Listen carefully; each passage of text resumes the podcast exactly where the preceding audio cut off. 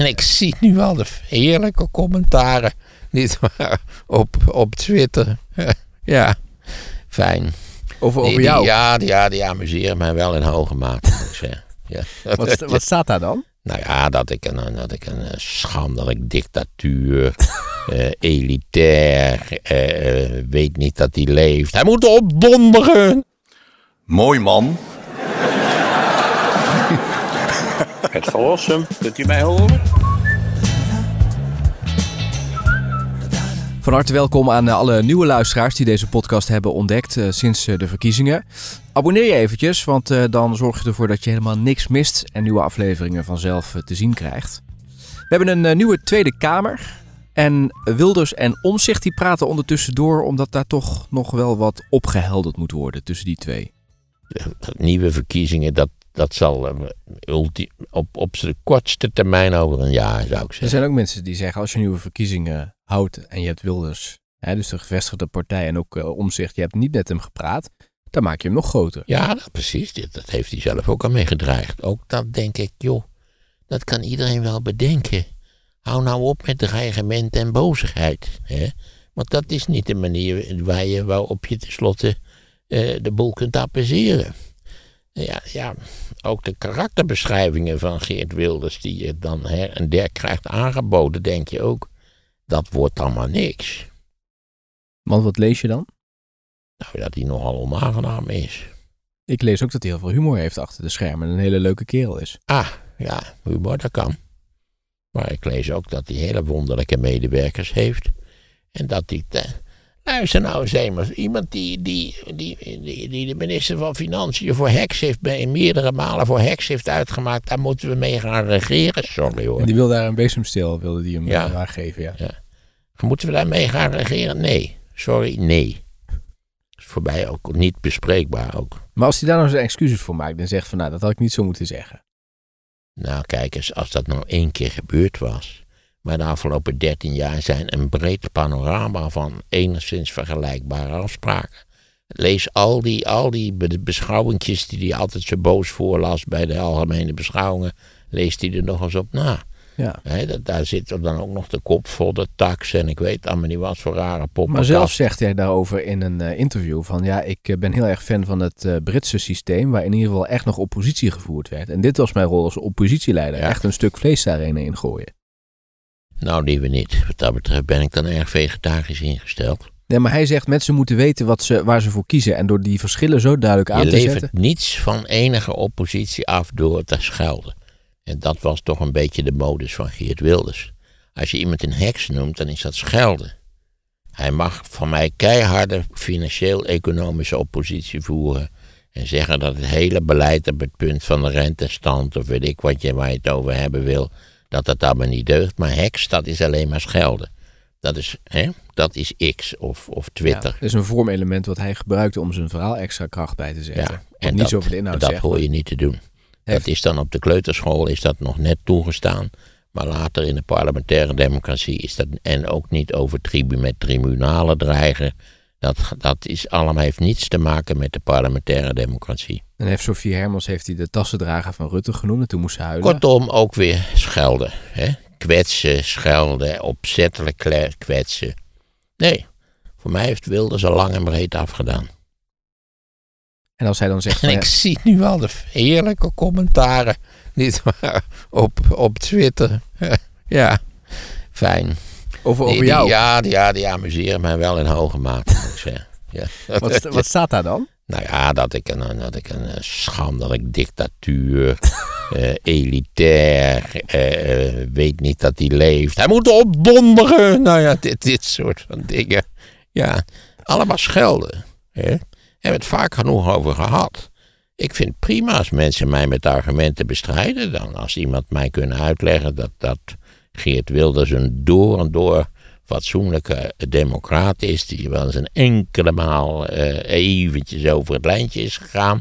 Graag, ik laat het. Maar schelden levert niks op. Ben ik oud? Ja. Ben ik dik? Ja. Zijn dat, zijn dat redenen om te veronderstellen dat wat ik zeg niet juist is? Nee.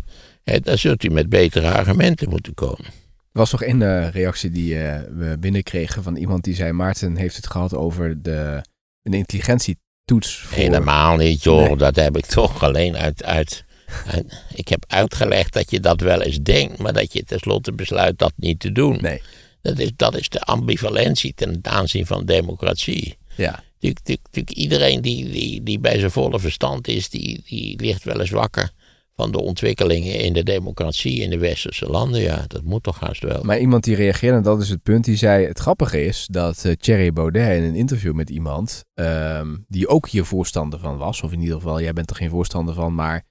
Deze Ik ben er persoon, helemaal geen voorstander Nee. van, zoals ik toen ook heb uitgelegd trouwens. maar deze meneer die eh, Baudet sprak, die is daar wel voorstander van. Hè? Dus een intelligentietoets, waarop Baudet zei... Nou, is wel eh, opvallend of grappig, want dan houden wij geen kiezer meer over. Want we hebben alleen maar domme kiezers. Hoe zei hij Waarin, dat? waarin Baudet dus liet blijken van... hé, hey, ik ben me bewust van wie mijn electoraat is. Oh, ja.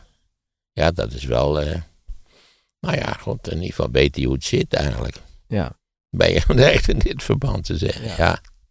Heb jij je ook nog verdiept in eh, de achtergrond van, eh, van Wilders en zijn reis naar Israël en eh, de islamitische landen? Ja, nou ja, hij is natuurlijk een, een enorme kampioen van Israël.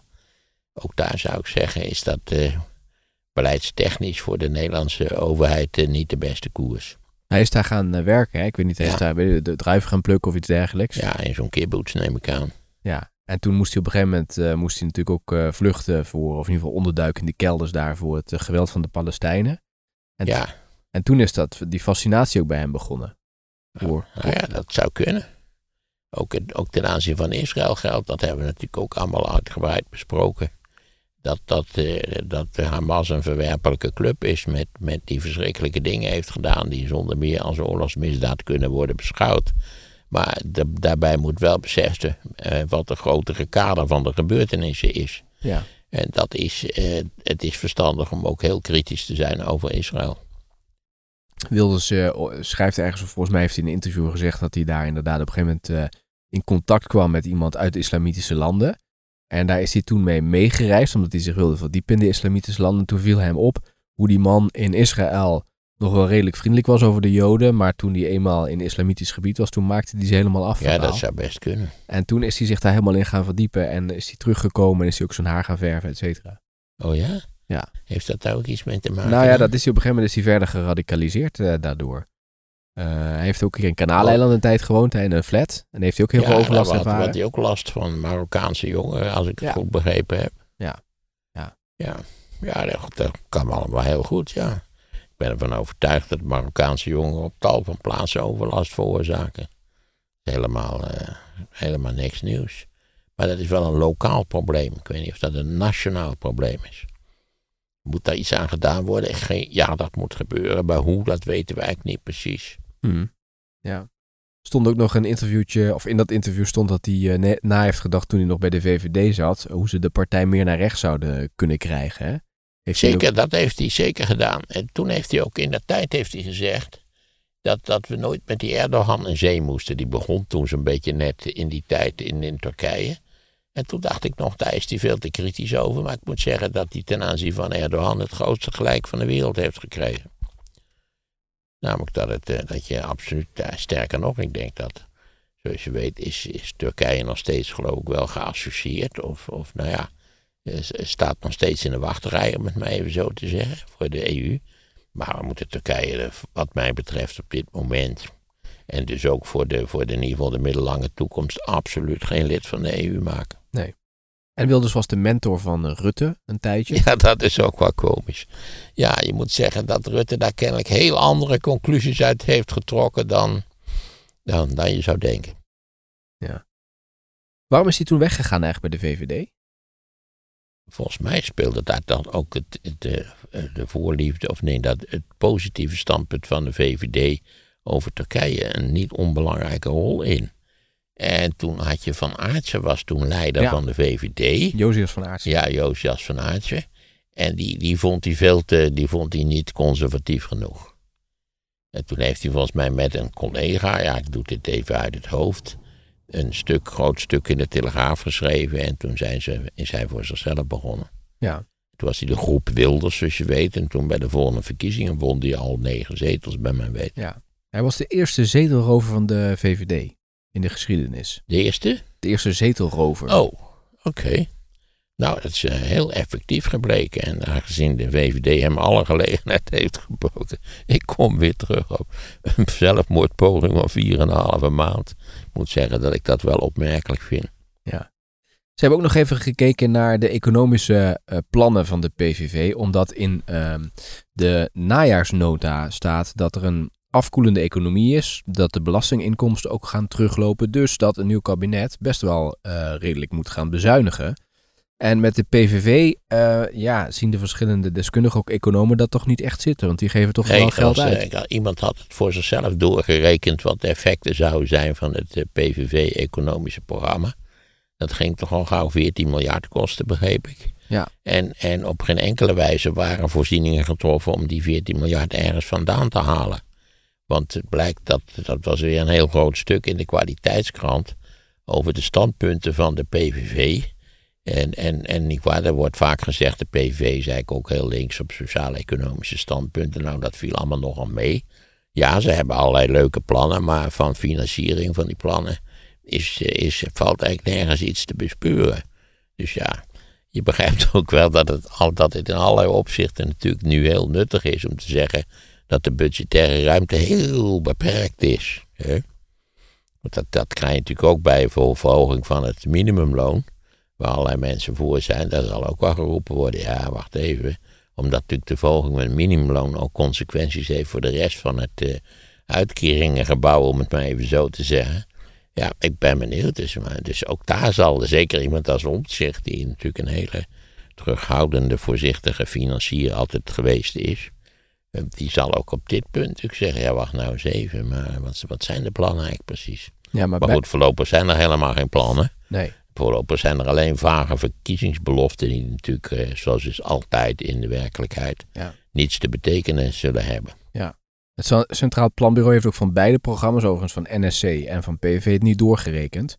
Dus daar worden ook nog wel wat vraagtekens Ja. bij gezet van hoe, hoe kun je dan het beleid... Nou ja, eh, dus die een of andere particuliere rekenaar had Ja. bepaald dat de PVV-plannen via het sowieso 14 miljard zouden Ja. kosten. Dat is iemand die ook bij het CPB wel gewerkt heeft Oh. eh, ooit. Dus, eh, Ik ben zijn naam vergeten. Weide, Weide, Weideman, Weideveen, zoiets. Nou, daar werd in ieder geval nog eh, verwezen naar artikel 20 van de grondwet. We hebben het eerder gehad over de grondwet, hè? dus luister die podcast nog even terug. En daar werd gezegd, de overheid staat in dat artikel, artikel 20, moet welvaart eh, verspreiden en niet afbreken. En Ja. de PVV, ja, als je hun eh, cijfermatige programma ziet, die eh, houdt zich in ieder geval daar niet aan.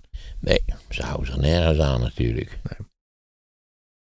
Dat was ook nog een eh, analyse van iemand die zei van ja, opvallend voor een parlementariër als Wilders dat hij zegt ik ga me aan de grondwet houden, want dat moet hij, dat, dat zweert hij Ja. als hij in het Ja. parlement zit, dan moet hij dat juist Dus hij geeft eigenlijk zo, met zoveel woorden toe dat hij dat voorlopig, althans in het verleden, eigenlijk helemaal niet zo erg van plan was. Ja. Je kunt trouwens natuurlijk, eh, je kunt heel goed eh, eh, het niet eens zijn met de grondwet. Maar dan moet je zorgen dat de grondwet veranderd wordt. Zolang die is zoals die is, die je je daar aan te houden. Ja. Dan kun je zeggen, nou ik ben het niet eens bijvoorbeeld met die vier artikelen waar wij het over gehad hebben. Dat vind ik allemaal helemaal verkeerd. Daar moet de overheid zich eigenlijk niet mee bemoeien. De overheid moet alleen het gezag handhaven en zorgen dat we een leger hebben, bij wijze van spreken. Dat een bekende nachtwaker staat. Maar dan moet je proberen om dat te veranderen. Maar als je natuurlijk een dure eed zweert op de grondwet en vervolgens zegt, ja, ik heb zoveel eden gezworen, dat is allemaal flauwekul. Ja, dat, eh, dat, zo gaat het nou helemaal niet. Ja. Je maakt jezelf. Wat ik al zeg, eh, Geert Wilders is ook het slachtoffer van zijn eigen radicale uitspraken van de afgelopen, wat is het, eh, ruim tien jaar geweest. Denk je dat, Plas, is dat? dat, dat Plasterk het verschil kan maken als verkenner? Dat lijkt me zeer onwaarschijnlijk. Voorlopig kun je helemaal niet veel verschil maken. Dergelijk. Voorlopig zit het vast op het probleem dat de twee partijen die dringend noodzakelijk zijn voor een meerderheidskabinet, dat die dat niet willen. Maar ja, er wordt gezegd creatieve geest, iemand eh, die ontzettend eh, goed is als wetenschapper, die kan misschien nog wel iets eh, Het forceren. lijkt mij dat die, dat die het DNA van die nematode ont, ontrafeld heeft, lijkt mij werkelijk helemaal niets te maken te hebben met de politieke problemen.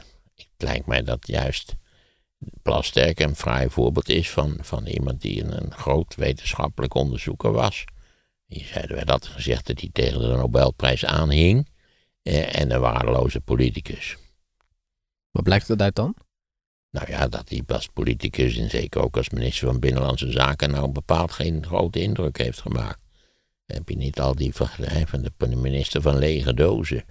Hij zou toch die provincies gaan samen, samen laten smelten?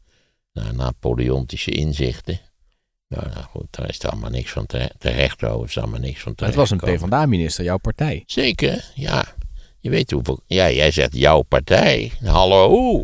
Hé, hey, ik heb daar dus al jaren niet meer op gestemd. Maar nu wel weer de laatste keer. Ja, nu heb ik er wel op gestemd, zeker. In de hoop dat het eh, nu allemaal wat realistischer zou zijn. En ook in de hoop dat ze... Maar goed, ze komen helemaal niet in de regering, dus we hoeven ons daar verder niet Nou ja. over te maken. Ik, ik, zie nog, ik zie nog voor me dat ze er zo meteen niet uitkomen met Wilders. En dat Timmermans dan toch nog een rol zou kunnen spelen. Nou, wat, zou je ook een, ook een minderheidskabinet of zo? Nou ja, ik weet het niet. Misschien met... eh, kijk, NSC is een belangrijke speler. Ja, iemand, ik zag ook ergens van, ja, nee, Timmermans rol is nog niet uitgespeeld. Nou, zover ben ik nog niet eerlijk gezegd. Geloof ik, geloof ik, niet zo erg. Dat is toch ook iets... Nee. Laten we nou eerst maar uit die Leidensweg, niet waar? Die want het wordt een Leidensweg van... Voor die, want ja, als, als er nou enige pas sentiment is op dit moment... is dat je diep meelij moet hebben met de VVD en NSC. Want die worden eigenlijk een beetje door, door een soort al- algemeen gevoel in de richting van een meerderheidscoalitie gedrongen. Maar ze willen dat helemaal niet. Ja, maar ik vind dat dan toch gek met uh, Jezilkes die de deur wagenwijd heeft opengezet. Ja. En die dan nu opeens dat niet meer wil. Ja, maar je begrijpt. Dan had ze dat ze- niet moeten doen. Nee, maar zij dacht in termen van 17 zetels en gedogen. Niet in het kabinet, maar gedogen. Nou ja, dat, dat is heel wat anders. Daar heeft ze niks over gezegd. Dus dat eh, kan de indruk wekken bij. Nou, dat is, je begrijpt wat ze, wat ze bedoelde in augustus. En wat, wat Brekelmans bedoelde, hartstikke handig. Wij hebben die PVV achter de hand als gedoogpartij. Ja. Maar de kiezers interpreteren denk ik toch als slechte verliezers. Kijk, ze willen het wel als ze de grootste zijn. Ja, maar als ze dan zeker. kleiner zijn, dan willen ze ineens Ja, niet meer. dat is toch heel normale democratische beginsel, of niet? Nou, ik vind het dan een beetje bij hypocriet. Dan moet je zeggen, als je met de PVV wil, dan is het dus ook als je kleiner bent. Want ze willen alleen als zij de, de grootste ja, dan ga je ervan uit dat ze... Maar ze hebben niet in de verste verte vermoed wat er daadwerkelijk is gebeurd. nee.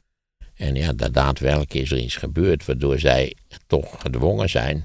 Eventueel, als je, als je zegt van... eh, we moeten de verwachtingspatronen waarmaken... dat zij gedwongen zijn om in een coalitie te stappen... waar ze echt absoluut niet mee verder willen. Nee.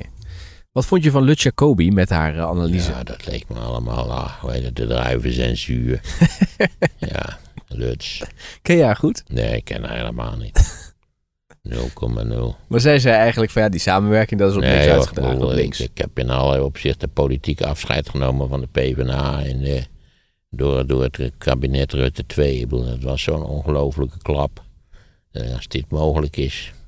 Nou ja, ze zijn van 38 zetels naar, naar 9 gezakt. Hè? Dat is dan een drama eerste klas en terecht naar mijn idee. Je er zo'n puinzooi van maakt. Van een zelfmoord, hè? Eh, dat is, was vijf jaar zelfmoordactie.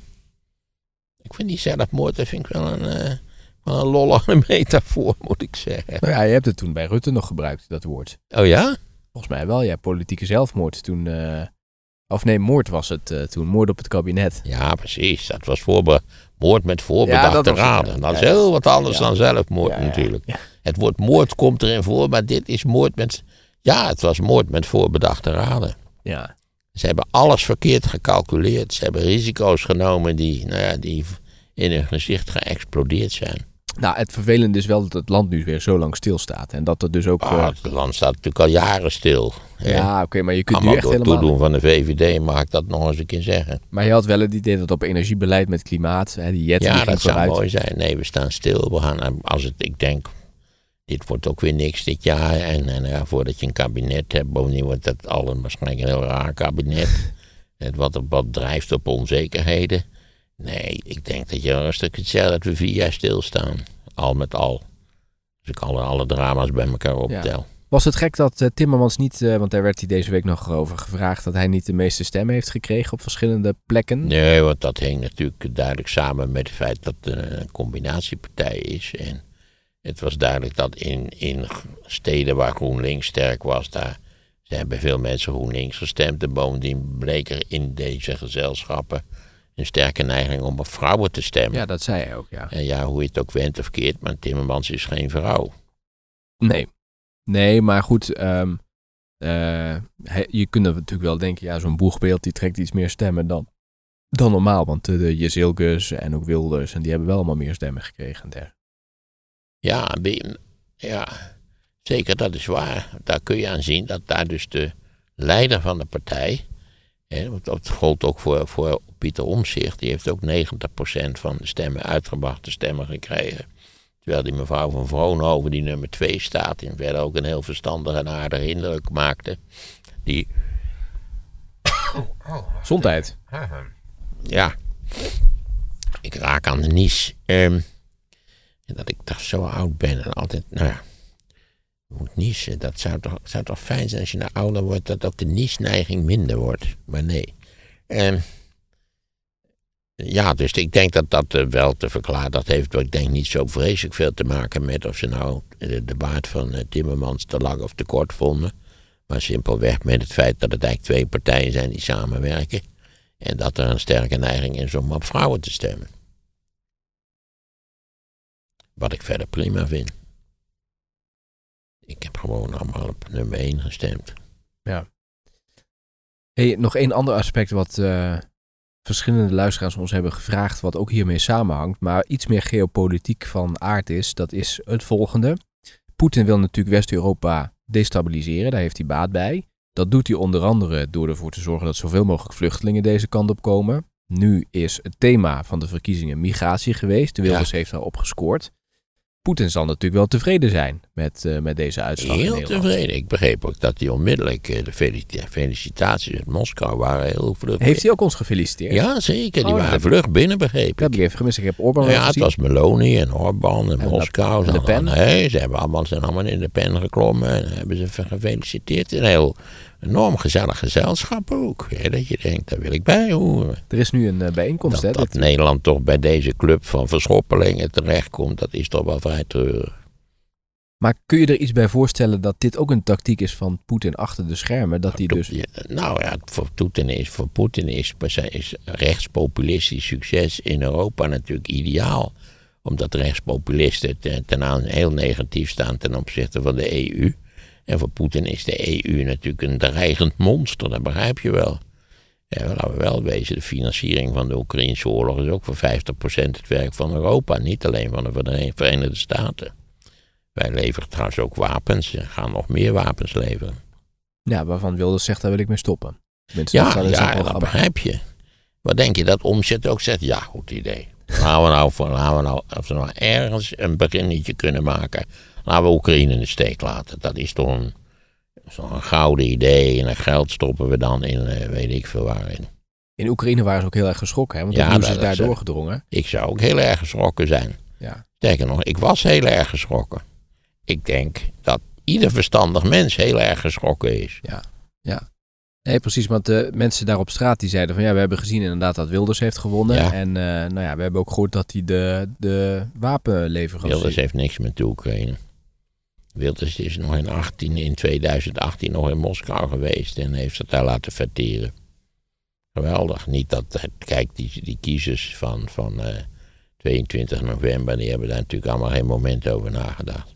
Nee. Weten zij veel. Maar denk je dat het, hè, Wilders, of sorry, Poetin heeft zich eerder met verkiezingen bemoeid, ehm, achter de schermen. Denk je dat dit ook een, eh, dat, hij die, dat hier ook bij betrokken is, niet alleen in Nederland, maar in andere Europese nee, landen? dat denk ik wel. Hij heeft natuurlijk wel, eh, hoe heet het, eh, Marine Le Pen is uitgebreid gefinancierd vanuit Rusland. Orbán heeft goede betrekkingen met Poetin en krijgt zijn gas, geloof ik, daardoor wat, wat, wat goedkoper. Van Wilders wordt het ook gezegd, hè? Ja, Daar werd Brinkman trouwens nog naar gevraagd. vooral Meloni, die overigens ook gefeliciteerd had. Die begreep ik eh, binnenlands wel een zeer eh, behoudend of, of conservatief beleid voert, vooral ook cultureel. Eh, Die heeft dat natuurlijk juist volledig bekend tot de oorlog in de Oekraïne. Daar is een warm voorstander van geworden. Dat is dus die Fratelli-beweging. En, en ook van, van de EU, gek genoeg. Ja. Want iedereen dacht, zij zal daar ook moeilijkheden gaan maken. Maar dat heeft ze dus helemaal niet gedaan. Nee. Maar denk je nou wel of niet dat Poetin hier iets mee te maken heeft met die vluchtelingen deze kant op sturen? En dat, eh, Niet dat die vluchtelingen worden deze kant opgestuurd. Met fietsen begreep ik daar aan de, aan de Finse en aan de Noorse grens. Dat ze daar met een speciale communist... Nee, niet communistisch. Natuurlijk een Poetinistische fiets komen. ja, ja een fiets erbij cadeau. Is dit een grapje of is dit serieus? Nee, serieus. Ja. Ze hadden allemaal fietsen. hadden, ze, hadden ze van de Russen gekregen. Konden ze meteen doorfietsen. Maar is dit, een, een, dit is dus ook een, een tactiek van hem om ons te destabiliseren? Waar Ja, dus, zeker. Denk aan Finland. ja, Finland heeft al zijn, grenzen, al zijn grensposten moeten sluiten. Er werden grote hoeveelheden vluchtelingen werden daarheen ge- gecommandeerd. oké. Bij Polen was dat volgens mij ook al aan de orde. Maar daar is hij dus, hij slaagt dus in die opzet. Want hij heeft, nou ja, Ja, want wij, wij zijn hysterisch als het aankomt op vluchtelingen. Weet niet hoe de getallen liggen, dat weet ik niet. Maar ja, West-Europa is volstrekt hysterisch als het om vluchtelingen gaat. Waarbij mij nooit helemaal duidelijk is waarom we zo hysterisch reageren, maar goed. Ook, ook natuurlijk nadere analyse, daar hebben we het over gehad, van die vluchtelingen. Dat, dat leert je dat er heel verschillende soorten van vluchtelingen zijn. Dat sommigen weer teruggaan en anderen niet. Nou ja, kortom, dat het een ingewikkelder probleem is dan je wel denkt. En dat wij zeker niet in staat zijn om niet waar onze grenzen hermetisch te sluiten. Nee. Ik denk ook trouwens dat het Nederlandse bedrijfsleven daar niet zo gelukkig mee zou zijn. Hermetisch sluiten van de grenzen. Maar daarvan zegt iedereen dat gaat niet gebeuren. Wilders werd ook gevraagd hè, van eh, mensen maken zich zorgen dat u aan de macht eh, nou, nog niet bent, maar mogelijk komt. En toen zeiden we gaan niemand terugsturen, niemand hoeft zich zorgen te maken. Hartstikke fijn dat we het weten. Maar goed, eh, daar zijn record is, spreekt voor zichzelf. Ja. Heb je niet, overigens moet ik nog even zeggen, ehm, dat eh, in dat gesprekje met die Hero Brinkman, dat daar ook werd gevraagd naar de link tussen eh, Poetin met financiële middelen en Wilders. Hij zei van, ik weet daar niets van. Eh, en als ik het had geweten, had ik het niet verteld, maar ik weet er niets van. En Nee, bij mijn weten is, is de PVV niet gefinancierd door, door Poetin. Maar daar weet, ja, ik weet er natuurlijk even min iets van. Nee, nee. Ik ben wel de laatste die daarover gebeld zou worden, neem ik aan. Denk je nog dat, eh, dat het gevolg heeft voor Europa, eh, deze uitslag? En ook wat ja, dat denk ik zeker. Ja. Ook in Europa zullen tal van mensen zeggen: neem, neem vooral natuurlijk die, eh, die, laten we zeggen, die Europese CDA, om het maar even zo te noemen, die Christen, Europese christendemocratie, die toch al bezig was om naar rechts uit te zwenken onder leiding van die meneer Weber. Eh, en omdat we natuurlijk volgend jaar Europese verkiezingen hebben, Ursula wil door. Maar zal, zal door velen beschouwd worden als iemand die er natuurlijk een flinke push heeft gegeven aan Europa. En dat, ja, ik denk wel dat in Europa een deprimerende boodschap is, zonder meer. Maar denk je ook nog dat dit... Omdat natuurlijk het Orban eh, cum su is. Die, die, eh, ja, dat gezelschap wordt groter. En iedereen is bang dat het nog groter zal worden. Ja. Ja. En Orbán is te lang zittend als Rutte er zo meteen mee stopt, hè? Ja, Ja. ja, ja, dat is zo. Ja. Nou moeten we wel een beetje realistisch zijn. Hij trekt natuurlijk veel aandacht. Dat is typisch Orbán. Daar is hij goed in. Eh, Maar Hongarije is wel een ongelooflijk klein pestlandje. Hè? Er zijn er 10 miljoen Hongaren. En als ze zo doorgaan, sterven ze ook binnen een eeuw uit. Dus dat, eh, nogmaals, eh, nou heel, heel Europa te laten sturen, dat is natuurlijk ook een probleem met die unanimiteitsregel. Hè? Dat je, nou ja, daar zijn ook altijd allerlei alternatieven voor be- bedacht. Dat niet Malta en, en, en allerlei andere klein gerut, hè, ook zo'n crimineel staatje overigens. Dat, dat die dus niet in staat zijn om, om de hele zaak te ontregelen. Dat is wel zaak dat daar iets aan gebeuren moet. Maar je begrijpt dat dat ook op dat punt zal vertraging ongetwijfeld een belangrijke rol spelen. Heb je al iets eh, gemerkt van de mildere toon van Milders of Wilders? Nee, totaal niks. Nogmaals, ik bedoel, als je daar een kijkduin de boel gaat opstoken, dat is natuurlijk. Ja, dan zou ik ook, als ik nou omzicht was, maar die ben ik niet. En ik denk, ik kan waarschijnlijk ook helemaal niet goed denken zoals omzicht. Maar dan zou je toch ook zeggen, wacht nou eens even, wat staat ons te wachten? En dat sluit aan bij, bij wat we eh, zeiden over, eh, hoe heet die, die, man- die man die, eh weet hem nou? Leers. Ja, bij, bij Gert Leers. Ja. Die zei van ja, dan hadden we, we voerden, voerden een bepaalde politiek. En dan zei hij binnenskamers, ja dat is goed. En dan, dan eh, vervolgens trok hij de deur achter zich dicht en ging propaganda maken tegen het beleid van het kabinet. Dus ja, hoe, in hoeverre moet je Geert Wilders vertrouwen? Niet dus. Ja. Ook nu, ik vond het hartstikke onverstandig van hem. Ik begrijp ook niet dat zijn politieke adviseur niet heeft gezegd: Kom op, Geert, laten we dat nou bij deze gelegenheid even niet doen. Misschien kunnen we een telegrammetje sturen of zo, of weet ik veel wat. Ja, maar nee dus. Hij ging wel niet naar een top in eh, Italië volgens mij met allemaal rechtse partijen. Dat heeft hij wel Ah, nee, want dan wordt hij gefotografeerd met die oplichtersbende. Dus ja, dat is de, ja, want ja, nu zeg ik oplichtersbende en dan hoor je de mensen zeggen, opli hoezo oplichters? Orbán is een oplichter. Is een van de meest corrupte politieke leiders van Europa. Ja. Zeiden mensen ook heel veel eh, van ja, als, als eh, links nou had gewonnen, dan piepte Van Rossum wel anders. Nou, dat zou kunnen, ja. Want aangezien eh, bij mijn weten eh, Frans Timmermans zich bepaald niet schuldig heeft gemaakt aan de retoriek waaraan Geert Wilders zich schuldig heeft gemaakt. Dus ik zou inderdaad anders piepen. Dat, dat dit ligt wel voor de hand. Nu vind ik het uiterst zorgelijk. Ook in het kader van het, het, het landsbelang. En daar zou ik me in het geval van, Geert, van eh, Frans Timmermans veel minder zorgen over maken. Ik zou zeggen, dat ben ik toch ook niet de enige in. Nee. Nee, en je deelde een analyse en zorg. En het is niet zo, want het, zei- dat, dat las ik ook ergens, dat mensen zeiden, ja, hij kan slecht tegen zijn verlies. Nou, ik vind het vervelend dat het zo gelopen is, maar het is niet zo dat ik er niet slecht, dat ik er slecht van heb geslapen of zo. Nee. Nee, ik heb mezelf wel tra- getrakteerd op een extra zakje chips. Hè, dat je toch een soort troost uit de kraakzak. Hè, dat is toch nooit weg. Als je door wilt praten over de verkiezingen en eh, welke stappen er nu gezet worden, eh, praat dan door met andere luisteraars in onze WhatsApp-groep. Het linkje naar die eh, groep vind je in de beschrijving bij deze podcast. En als je een keer wat anders wilt horen dan politiek, eh, check dan de aflevering die we hebben gemaakt over het leven van Napoleon. Ook die link staat in de show notes van deze aflevering. Mooi man. Ja, jij zegt jouw partij. Hallo. Hé, hey, ik heb daar dus al jaren niet meer op gestemd. Nu is het eigenlijk dagelijks zo dat wij in de enorme slagschaduw van Geert Wilders leven. Download nu het college van Maarten over het populisme. Hebben wij eigenlijk alleen de grote Geert, die boven alles uittorent, hè? zowel in letterlijke als in figuurlijke zin. Je vindt het college via de link in de show notes. En Wouter Kolk, de baas van Albert Heijn, vertelt hoe de supermarkt van de toekomst eruit ziet. Dat hoor je in de podcast Sea Level via de link in de show notes.